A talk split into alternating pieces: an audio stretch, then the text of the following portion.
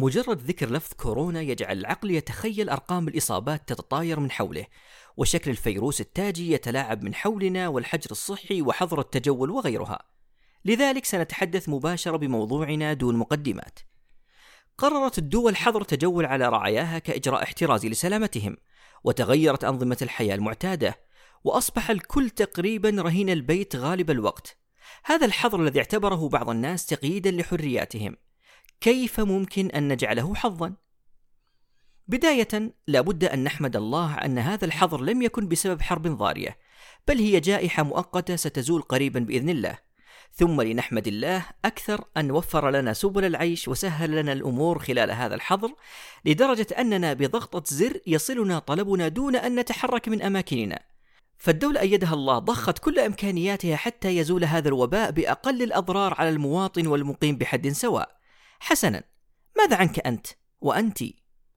الإنسان بطبعه لا يحب المكوث بمكان واحد وجاءت هذه الجائحة لتجبره على المكوث فهو بين خيارين إما أن يتضجر ويعيش هذه الفترة بغم وينشر هذا الكدر على من حوله ولن يزداد إلا حسرة أو أن يستغل هذه الراحة الطويلة نوعا ما ويجعلها فرصة لتجديد حياته. بالطبع لا يخفى على المستمع الكريم الكم الهائل من الدورات التدريبية المجانية بل حتى المدفوعة أصبحت بسعر يسير نسبيا. وهنا نصائح سريعة للاستفادة من هذه الدورات التدريبية. احذر من هوس تراكم الدورات ومحاولة استثمار كل شيء حتى يضيع كل شيء في النهاية. ابحث عن المجال الذي تريد تطويره.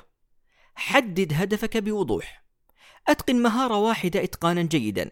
فذلك أفضل من حضور عشر دورات بلا فائدة. الأهل هم المكسب الحقيقي فعلا هذه الأيام. هذه فرصة للقرب منهم. اقتربوا من بعضكم. اقرأوا كتبا بشكل جماعي. أقيموا مسابقات خفيفة. تحديات لطيفة. امرحوا امرحوا. اضحكوا. انشروا الأنس بينكم. ليكن بيتكم عالما سعيدا مصغرا. وللوالدين خاصة انشروا الإيجابية بين أولادكم. هناك فرصة كبيرة هي بحاجة لتفكير هادئ واستشارة.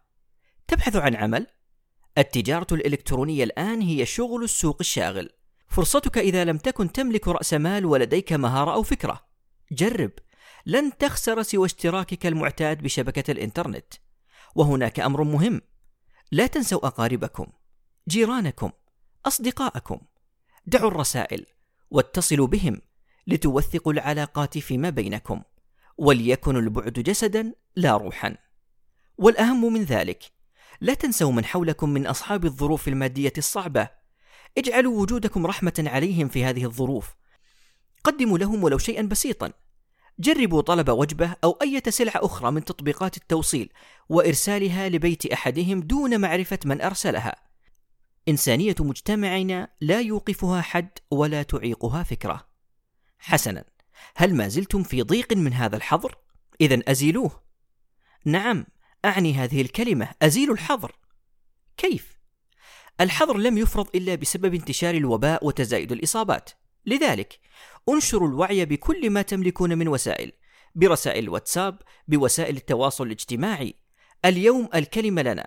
إن نفذنا التوجيهات انتهى هذا الوباء بإذن الله. بمعنى أوضح نحن من يتحكم بمدة الحظر. ولكم الاختيار. في النهاية قال قبل الأزمة قدمت طلب إجازة لمدة أسبوع من العمل ورفضها المدير. اليوم لي شهر في المنزل وأريد العودة للعمل. قال كنت أتأخر عن الصلاة وأسمع صوت المؤذن فأحمل هم خروجي للمسجد. اليوم أتمنى أن أشهد صلاة الجماعة قبل أن يصدح المؤذن بالتكبير. قالت تعبت من زيارات عائلة زوجي واجتماعات الأهل الأسبوعية. واليوم أريد أن أدعوهن إلى بيتي كل يوم. الأيام تدور والذاهب منها ليس كالقادم. عيشوا كل لحظة فلا ندري ماذا يخبئ لنا المستقبل. الحياة أقصر من الامتعاض والتأفف.